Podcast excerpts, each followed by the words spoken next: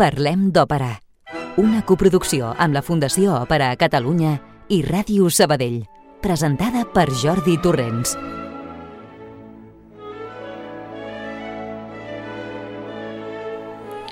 Hola, què tal? Com esteu?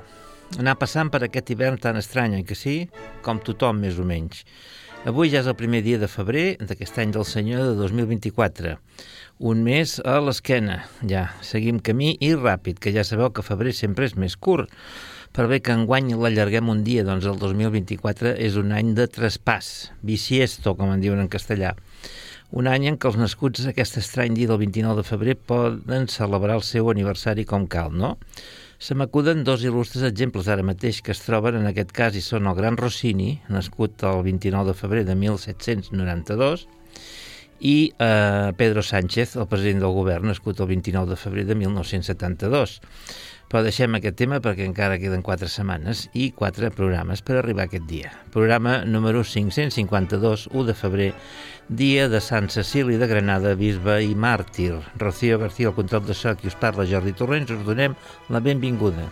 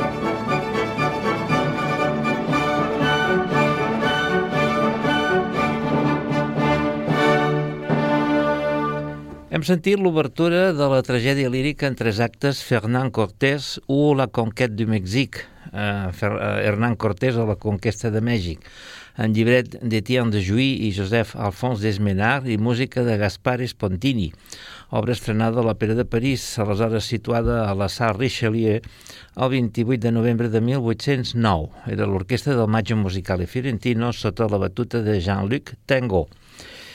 I ja sabeu que, sent el primer programa de cada mes, eh, toca anar a descobrir. Doncs vinga, anem a descobrir aquesta òpera de Spontini, important compositor italià establert durant anys a París, l'obra del qual va marcar musicalment l'època de l'emperador Napoleó Bonaparte. Per il·lustrar musicalment el tema farem servir l'enregistrament del segell italià dinàmic enregistrat en viu en el Maggio Musicale Fiorentino entre el 16 i el 20 de novembre de 2019, amb Darío Schmunk, Fernán Cortés, Luca Lombardo Telasco, David Ferri, Álvar, André Curvil, el gran sacerdot dels mexiques, Gianluca eh, Margueri eh, Morales, Alexia Bulgaridou Amasili i altres cantants amb rols molt secundaris. Orquestra i cor del Maggio Musicale Fiorentino i Jean-Luc Tengo al capdavant. Parlem d'òpera. A Ràdio Sabadell.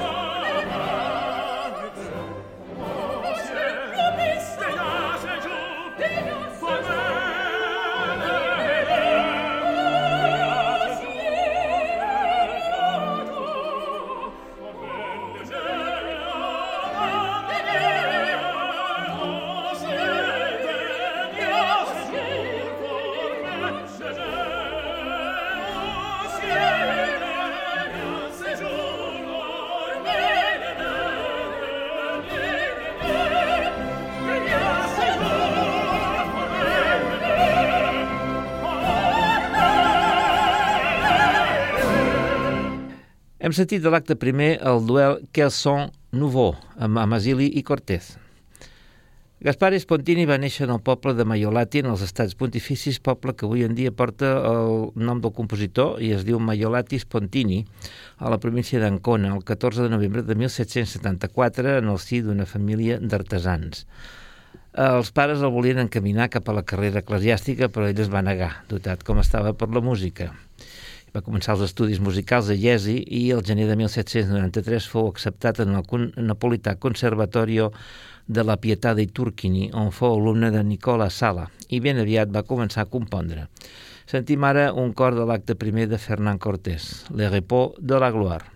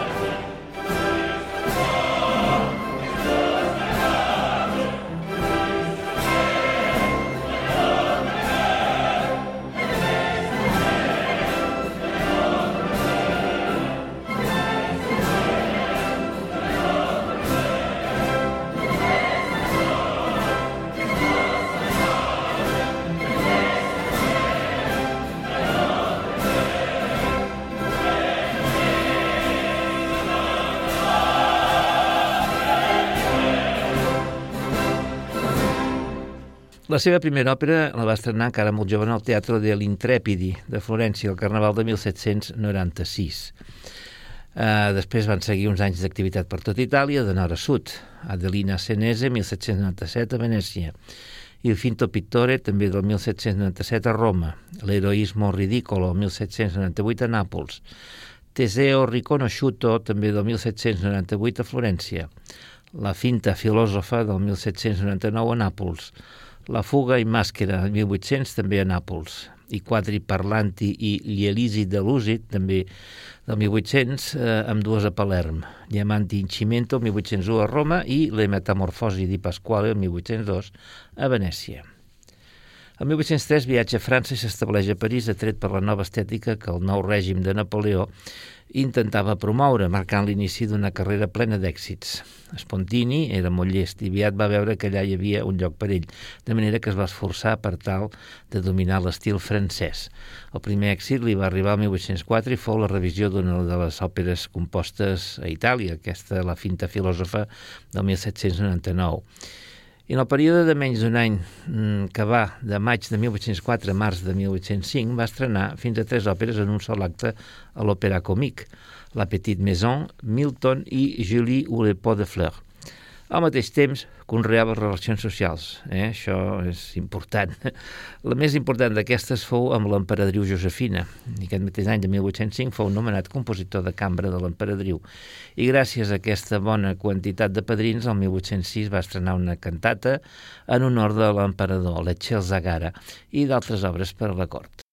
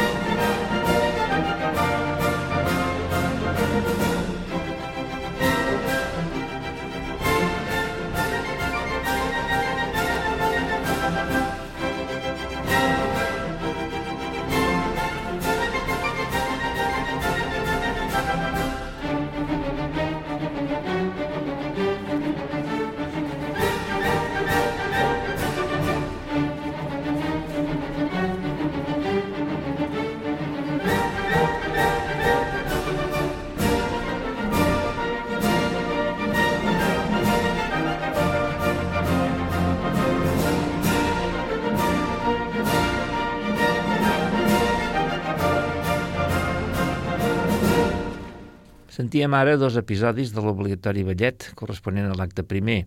En primer lloc, el número 1, Mexican, i el número 5, Evolution Marche. Poc després, Spontini va començar a treballar en un llibret que li va proposar el dramaturg i llibretista Etienne de Jouy sobre un tema de l'antiguitat romana. Aquest llibret havia estat prèviament refusat per Meil i Boieldieu.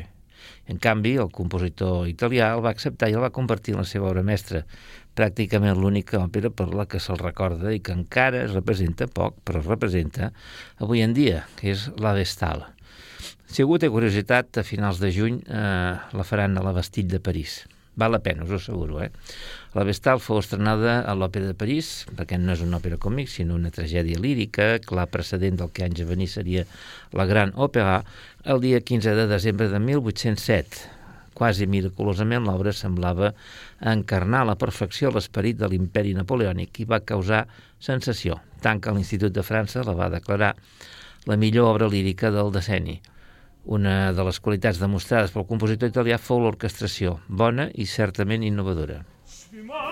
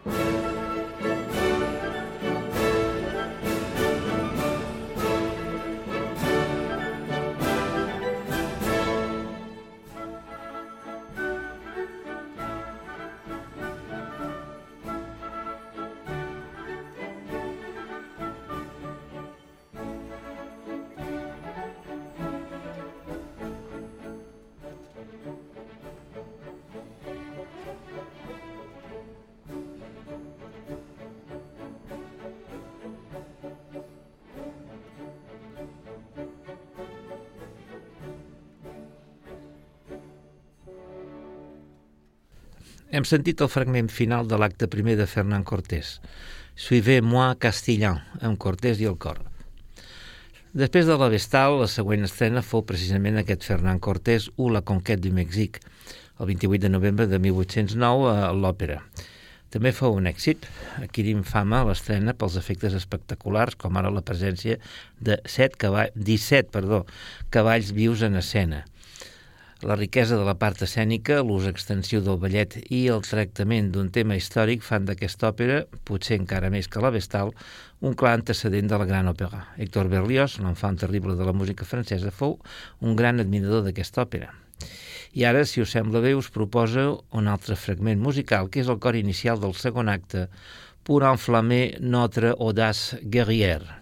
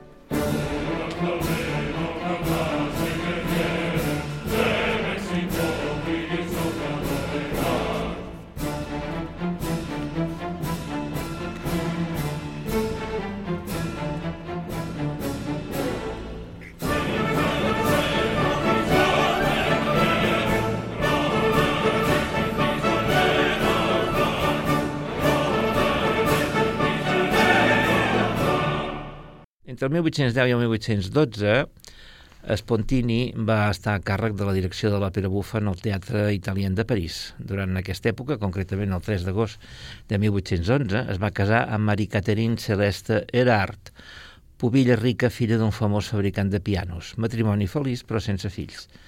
També fou en aquells anys quan Spontini, com tants altres compositors, va ingressar a la maçoneria. Després de Fernand Cortés, Spontini va estrenar dues obres més a l'Òpera de París, Pelage ou le roi de la paix, el 1814, i Les Deux Rivaux, el 1816. El 29 de maig de 1818 és nomenat Cavaller de la Legió d'Honor i el 22 de desembre de 1819 estrena una nova òpera, sempre en el Teatre de l'Òpera, o Académie Royale de Musique. Eh? Recordem que el règim imperial ja havia caigut i s'havia restaurat la monarquia borbònica en la persona de Lluís XVIII. L'òpera en qüestió era Olympi. Spontini tenia grans expectatives en aquesta òpera, basada en un drama de Voltaire i que molts consideren la seva millor obra, però va resultar un gran fracàs, ja que el públic la va trobar un tema antiquat.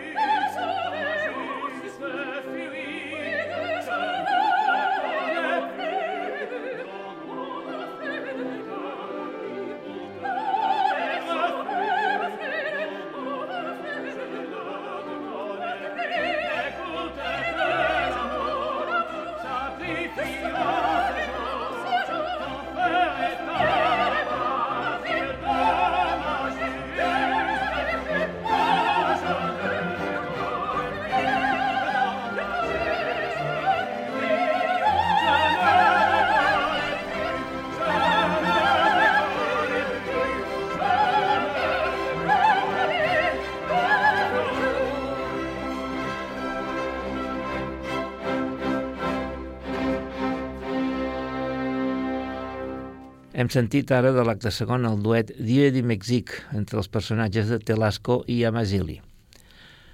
El fracàs parisenc d'Olympi va portar Spontini a abandonar França per instal·lar-se a Prússia, concretament a Berlín, la capital, convidat pel rei Frederic Guillem III. Això fou el 1820 i el primer que va fer fou revisar eh, aquesta òpera, sobre una traducció a l'alemany feta pel famós Hoffmann dels contes, eh? presentada a Mèxic de la Königliches Opernhaus el 14 de maig de 1821. A Berlín fou nomenat primer Kapellmeister i director general de música de la cort, amb un molt bon sou, i a més la possibilitat de donar un concert anual en el seu benefici. Abans de la versió alemanya de l'Empí, encara va estrenar a la capital prusiana l'Ala Ruch, de temàtica oriental, el 27 de gener de 1821, en el Palau Reial. L'èxit de l'Empí a Berlín no va durar gaire, doncs el mateix any es va estrenar Der Freischütz de Weber, fet que va desfermar una onada de nacionalisme alemany, que afectaria Spontini de Berlín, Stan va tornar a fer una revisió de l'Olympi francesa que final, finalment va començar al públic en la seva presentació a l'Òpera de París el 28 de febrer de 1826. A Berlín va estrenar encara dues òperes, Normal Oder de Rosenfest von Kashmir en el 1822 i Alcidor el 1825. Finalment hi va presentar la que seria la seva última òpera, Agnes von Hohenstaufen, el 12 de juny de 1829.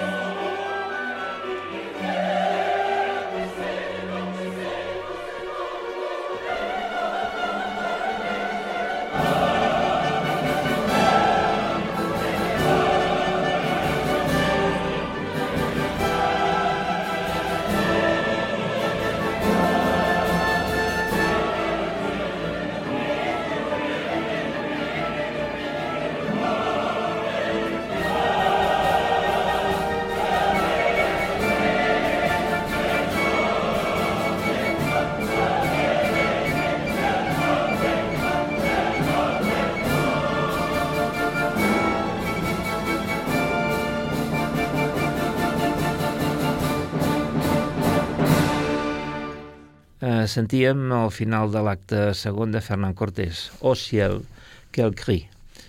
El 1834 va dirigir representacions de la Vestal a Hamburg i l'any següent va viatjar a la seva terra natal.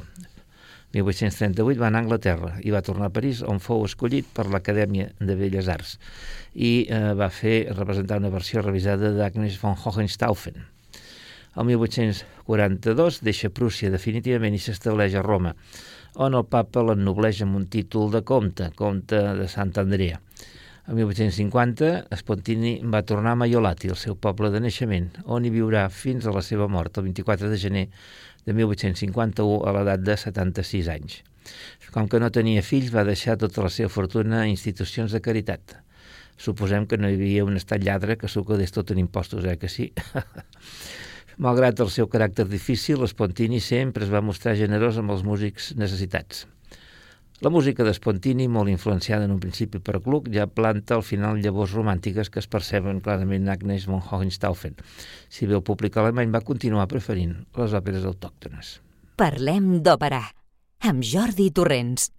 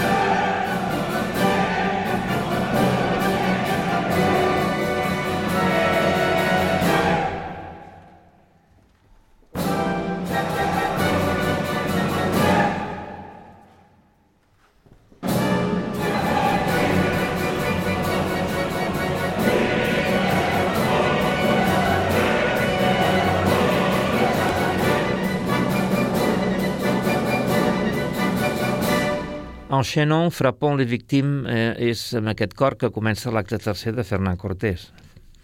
Aquesta òpera va ser el centre d'una operació de propaganda política per donar suport a la invasió d'Espanya el 1808 per part dels exèrcits napoleònics. Una aventura militar que, com ja sabem, no va tenir bon final pels francesos. Es diu que fou el mateix emperador que va assistir a l'estrena qui va suggerir la temàtica de l'òpera al compositor, sota un esquema molt senzill i molt de caràcter maniqueu, la lluita entre el bé i el mal, on en l'òpera són precisament els espanyols de Cortés els que simbolitzen Napoleó i els seus, mentre que els sacerdots asteques, sempre assedegats de sang, serien els que representen la Inquisició espanyola, que encara existia en aquella època. El bé contra el mal, la llum contra la foscor. En definitiva, Fernán Cortés fou un espectacle grandiós en suport d'una campanya militar. I la veritat és que la popularitat de l'òpera mm, va anar decaient a mesura que les coses anaven maldades en la campanya d'Espanya i també Portugal. Napoleó va sortir derrotat de la península ibèrica el 1813. Fernán Cortés fou sotmesa per Spontini i quatre revisions, ni més ni menys. La primera el 1817 a París mateix la segona i la tercera a Berlín i en Alemanya el 1824 i el 1832, i la quarta i darrera el 1838 novament a París. No cal dir que és una òpera que es fa poquíssim. A tall de curiositat us diré que circula un CD pirata de so horrible d'una representació del 1951 al Sant Carlo de Nàpols en italià, amb Renata Tebaldi com a Masili, la protagonista femenina. L'enregistrament que fem servir en aquest programa correspon a la versió original de 1809. I una petita nota a peu de pàgina. Hernán Cortés va néixer a Medellín, província de Badajoz, el 1485 i va morir a Castilleja de la Cuesta, província de Sevilla, el 1547. Entremig, el 1520, amb un exèrcit força reduït, va aconseguir conquerir el gran imperi dels asteques, el Mèxic actual.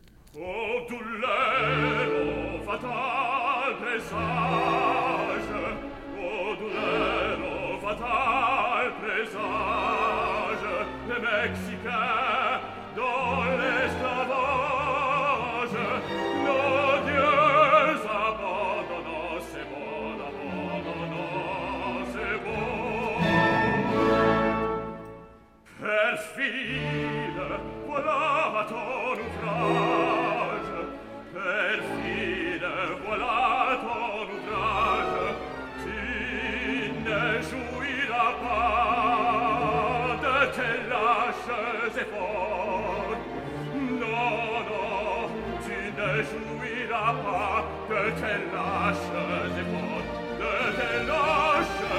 fort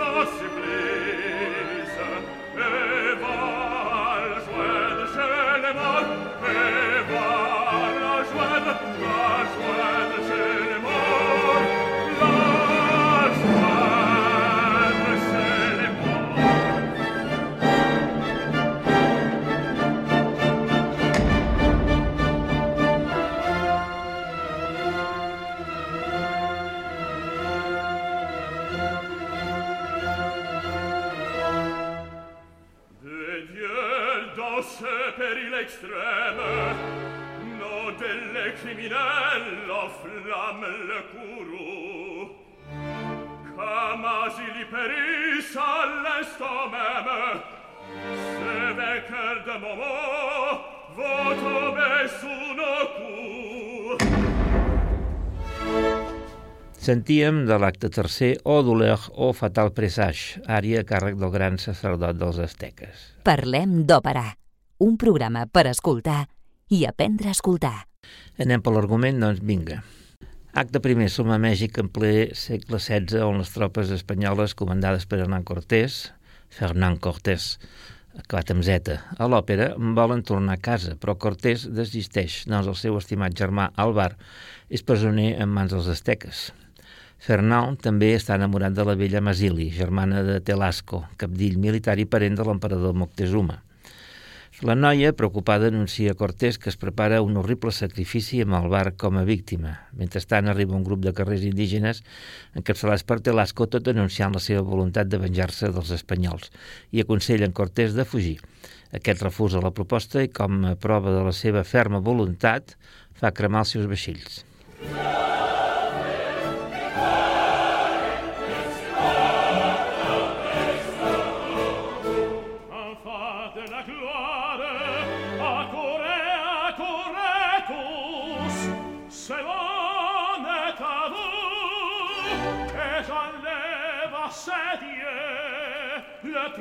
prix de la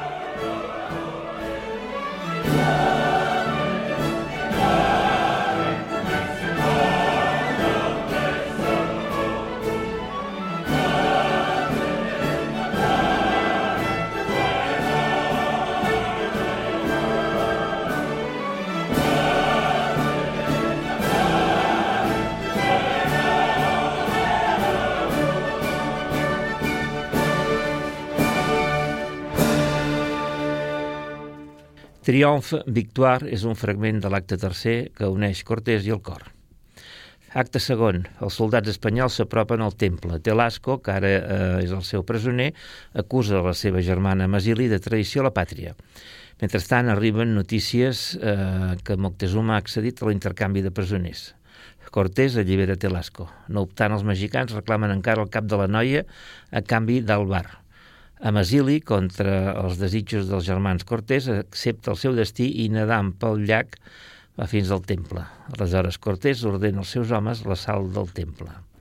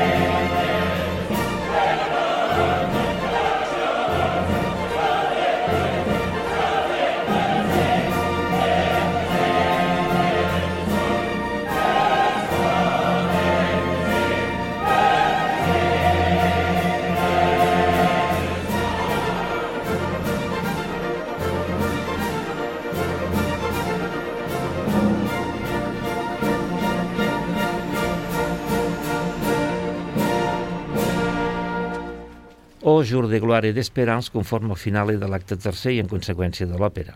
Acte tercer. En el temple del déu maligne, el bar conforta els seus amics i els insta a morir amb honor. Arriba Masili, preparada per ser víctima del sacrifici. El sacerdot la insulta com a traïdora, però és defensada pel seu germà Telasco. Arriba la notícia de que Moctezuma ha estat capturat pels espanyols i Telasco marxa ràpidament per tal d'alliberar-lo.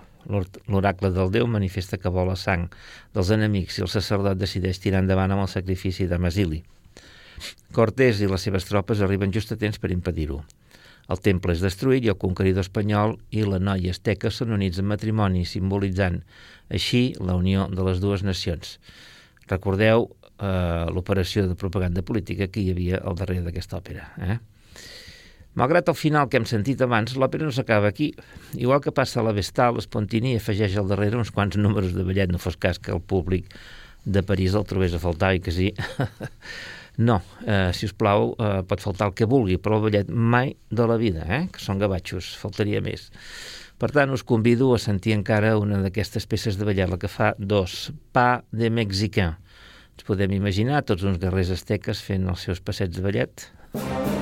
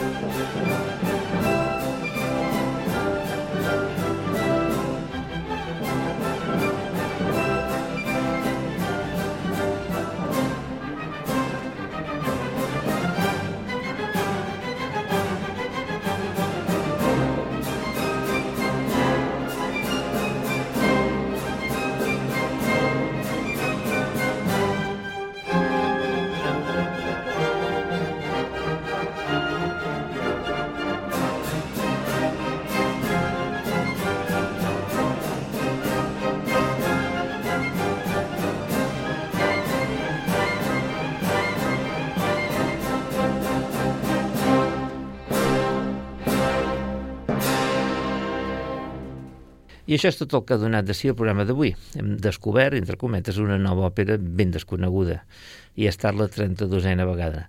Òperes que potser sí mereixen ser oblidades, però que jo crec que no és així ben bé, ja que sempre, sempre hi trobem alguna cosa interessant. Eh?